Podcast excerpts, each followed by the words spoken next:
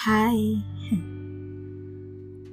Hmm, aku mau nanyain satu hal.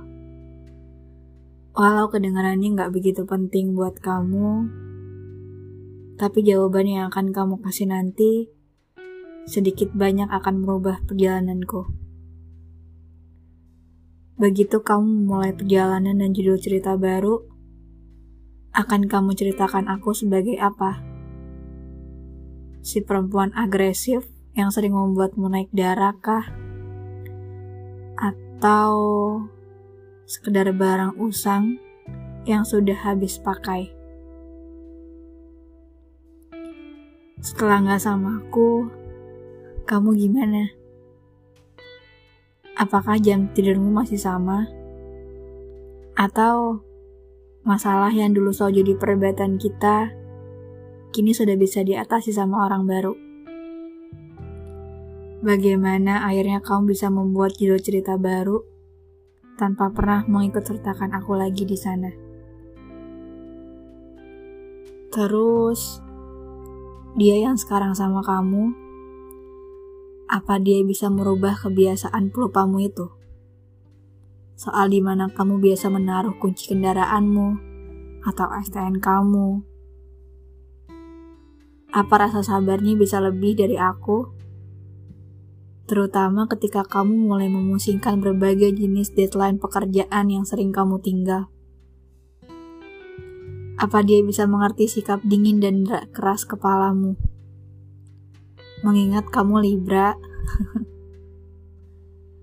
apa dia bisa tahan tiap kali kamu memilih untuk bungkam, atau bahkan kabur tiap kali ada permasalahan yang terjadi di antara kalian? Dia yang sekarang sama kamu, apa dia tahu kalau kamu lebih suka memesan teh tawar hangat kalau di kedai pecel lele langgananmu? Apa dia juga tahu minuman favoritmu di kopi kenangan itu? Apa dia juga bisa jadi orang yang kamu andalkan ketika suasana hatimu sedang gak baik? Hmm, aku bukannya bermaksud untuk membandingkan, karena aku masih hafal segala hal tentang kamu Padahal kita udah pisah sejak dua tahun lalu. Karena gimana enggak? Aku yang lama sama kamu. Aku yang awalnya berpikir bahwa cerita ini akan terus ada pada seri-seri buku selanjutnya. Justru harus diberhentikan tanpa pemberitahuan. Waktu kamu bilang, kita udah terlalu lama untuk menghabiskan waktu sama-sama, dan kamu merasa cukup untuk itu, Aku bertanya-tanya, gimana bisa?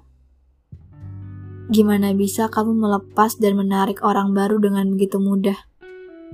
Gimana bisa kamu memulai hidupmu dengan tenang dan senang setelah nggak sama aku?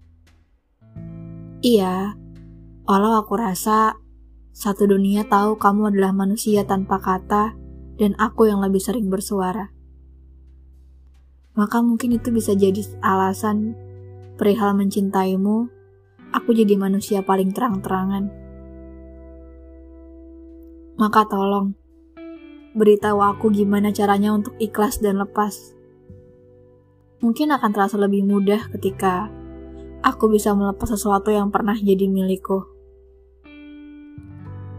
Karena kamu jadi satu yang raganya juga gak pernah bisa ku miliki. Kamu abu-abu tapi tanpa ragu kamu jadi semacam belenggu yang membawa candu. Kamu penyebab juga jadi pembuat luka paling parah. Katakanlah aku egois. Tapi perihal yang sudah atau belum terjadi, soal apa yang menjadi salahku, aku minta maaf.